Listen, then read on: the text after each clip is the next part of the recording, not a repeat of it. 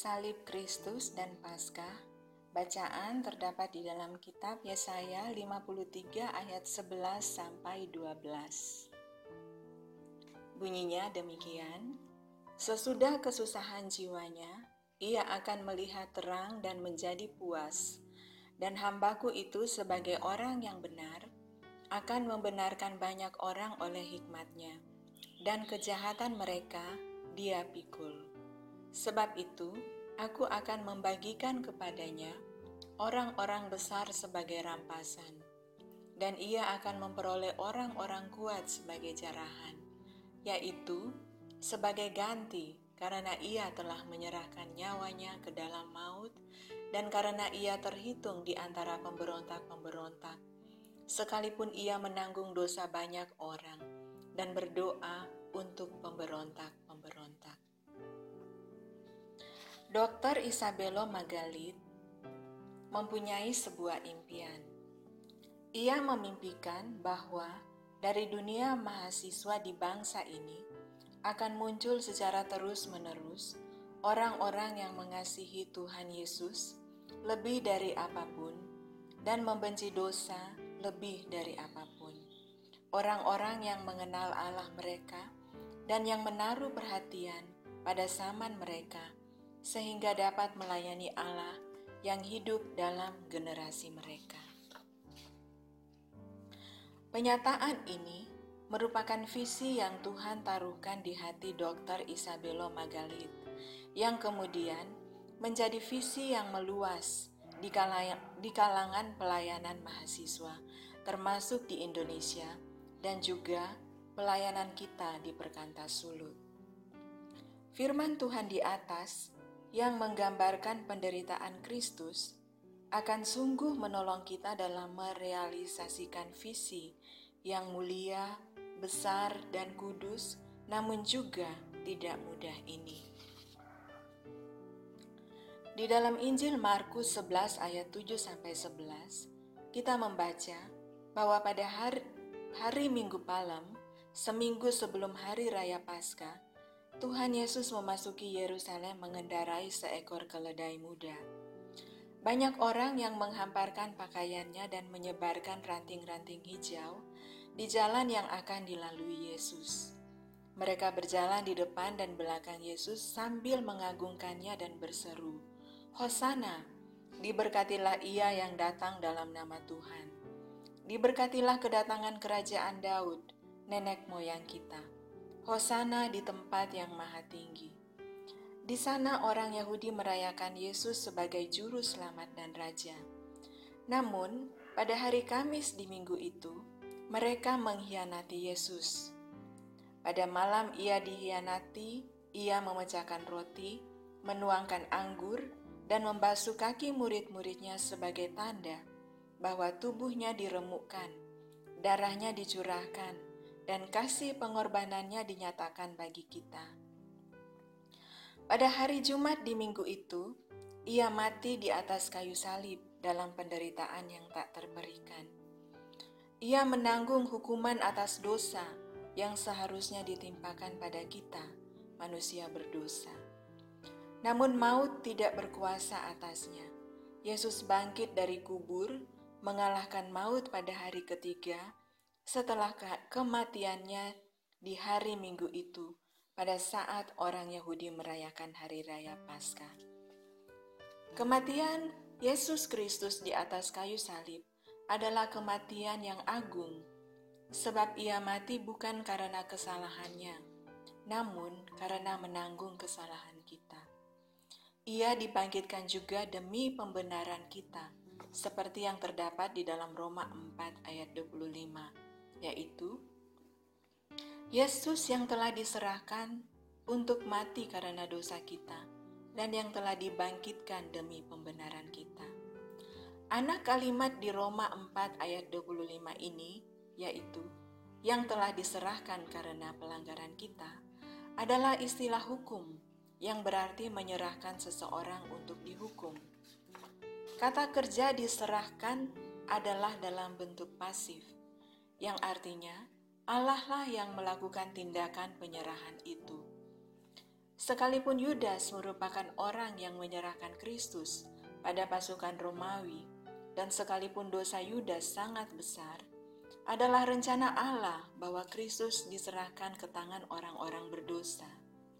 Yesus Kristus diserahkan karena pelanggaran dan dosa-dosa kita, sehingga kebangkitannya adalah demi pembenaran kita. Kedua anak kalimat dari Roma 4 ayat 25 ini paralel, mempunyai kata depan yang sama, yang menjadikan kata kerjanya menjadi bentuk pasif. Allah membangkitkan Kristus dari antara orang mati. Di sini dikemukakan bahwa kebangkitan Kristus penting demi kita dinyatakan benar. Kebangkitan Kristus bukan hanya membuktikan kemenangannya atas kematian, tetapi juga untuk memberikan kesaksian teguh bahwa ia telah menyelesaikan tuntas tugas penebusan yang dipercayakan Allah padanya. Untuk tugas inilah dia menjadi manusia, dan bahwa kini dia hidup untuk membela kepentingan orang-orang yang percaya kepadanya dan karya keselamatan yang telah dilakukannya.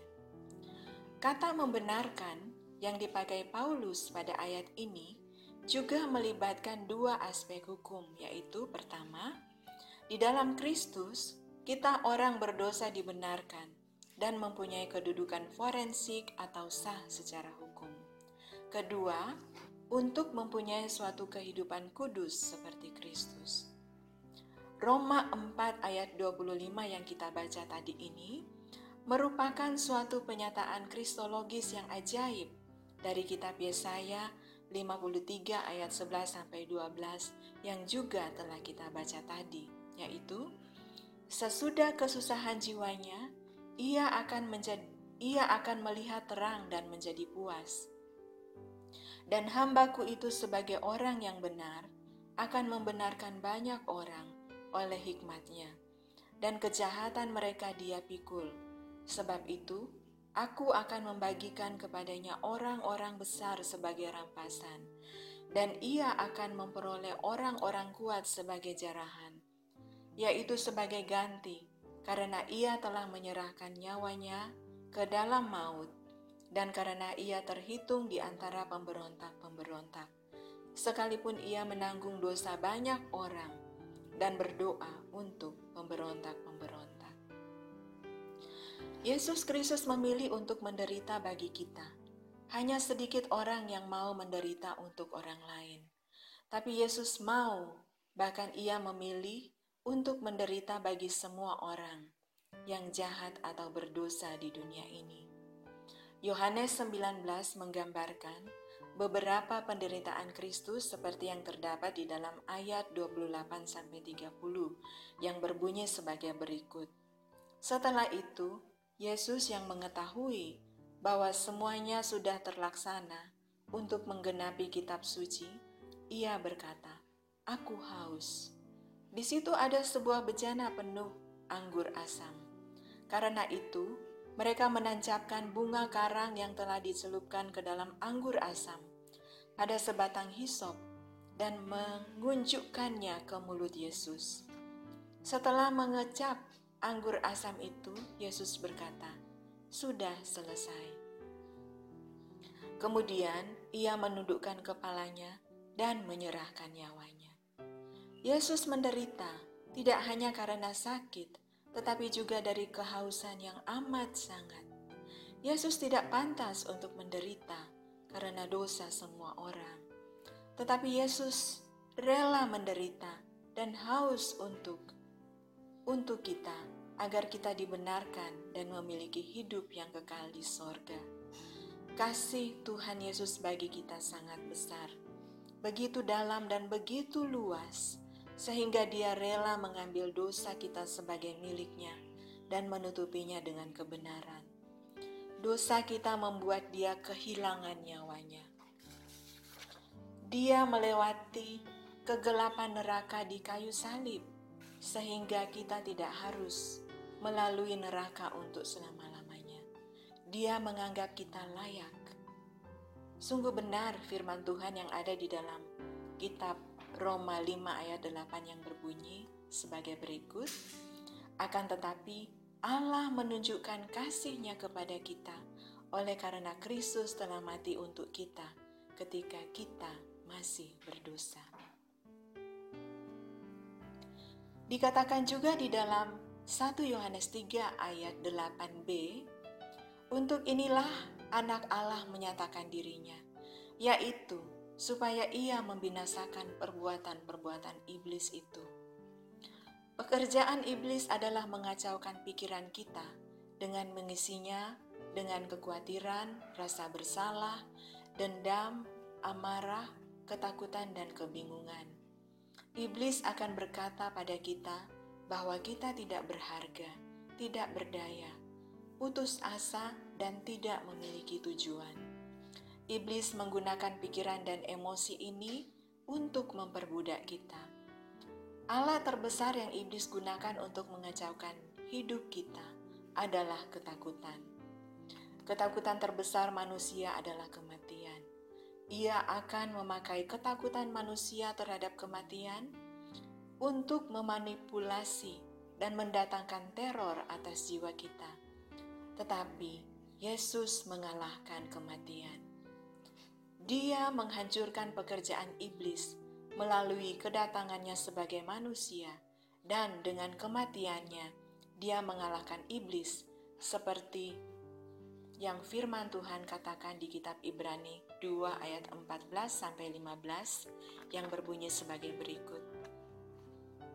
Karena anak-anak itu adalah manusia yang memiliki darah dan daging, maka Yesus juga mengambil bagian dalam keadaan mereka, supaya melalui kematiannya ia dapat membinasakan membinasakan dia yang memiliki kuasa atas kematian yaitu iblis dan membebaskan mereka, umat manusia yang seumur hidupnya diperbudak oleh ketakutan akan kematian.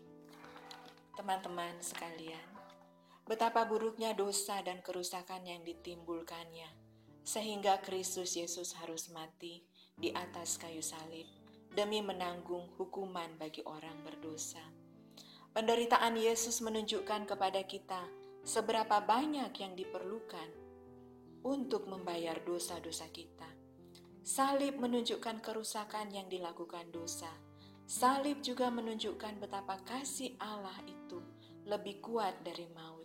Kasih kudus yang telah mengangkat kita ke dalam kerajaan terangnya. Sebagai orang-orang tebusannya, kita dipanggil, dibentuk, diutusnya menjadi alat-alat yang akan membawa terang dan pemulihan bagi dunia yang gelap yang membutuhkan kasih Bapa. Secara khusus, kita sebagai staf dari Perkantas Sulut, yaitu eh, yang tergabung di dalam PHC, kita juga dipanggil secara khusus sehingga visi dari Isabelo Magalet ini yang juga menjadi visi kita semuanya merupakan sesuatu yang tidak mustahil lagi, sekalipun itu tidak mudah untuk dilaksanakan. Penderitaan Kristus ini memberikan pemahaman kepada kita betapa Ia telah menderita sangat besar di atas kayu salib bagi kita. Itulah sebabnya kita harus membenci dosa lebih dari apa pun oleh karena Kristus telah menderita bagi kita di atas kayu salib. Teman-teman yang saya kasihi di dalam Tuhan kita Yesus Kristus, biarlah kiranya kemilau kasih Tuhan Yesus Kristus yang agung, yang terpatri di atas kayu salib, menjadi suluh yang tidak pernah padam bagi kita untuk membawa kabar baik di dalam segala dinamika yang kita hadapi di dalam susah maupun senang, dan kekuatan yang dari Tuhan akan terus menyertai kita. Kamilau kasih Kristus di Kalvari bersinar lembut dan berkelanjutan di hati kita, menopang kita, memberi kekuatan, penghiburan, damai, dan sukacita di dalam kita menjalankan tugas sebagai staf di lingkungan Perkantas Sulut. Tuhan kiranya menyertai kita semua.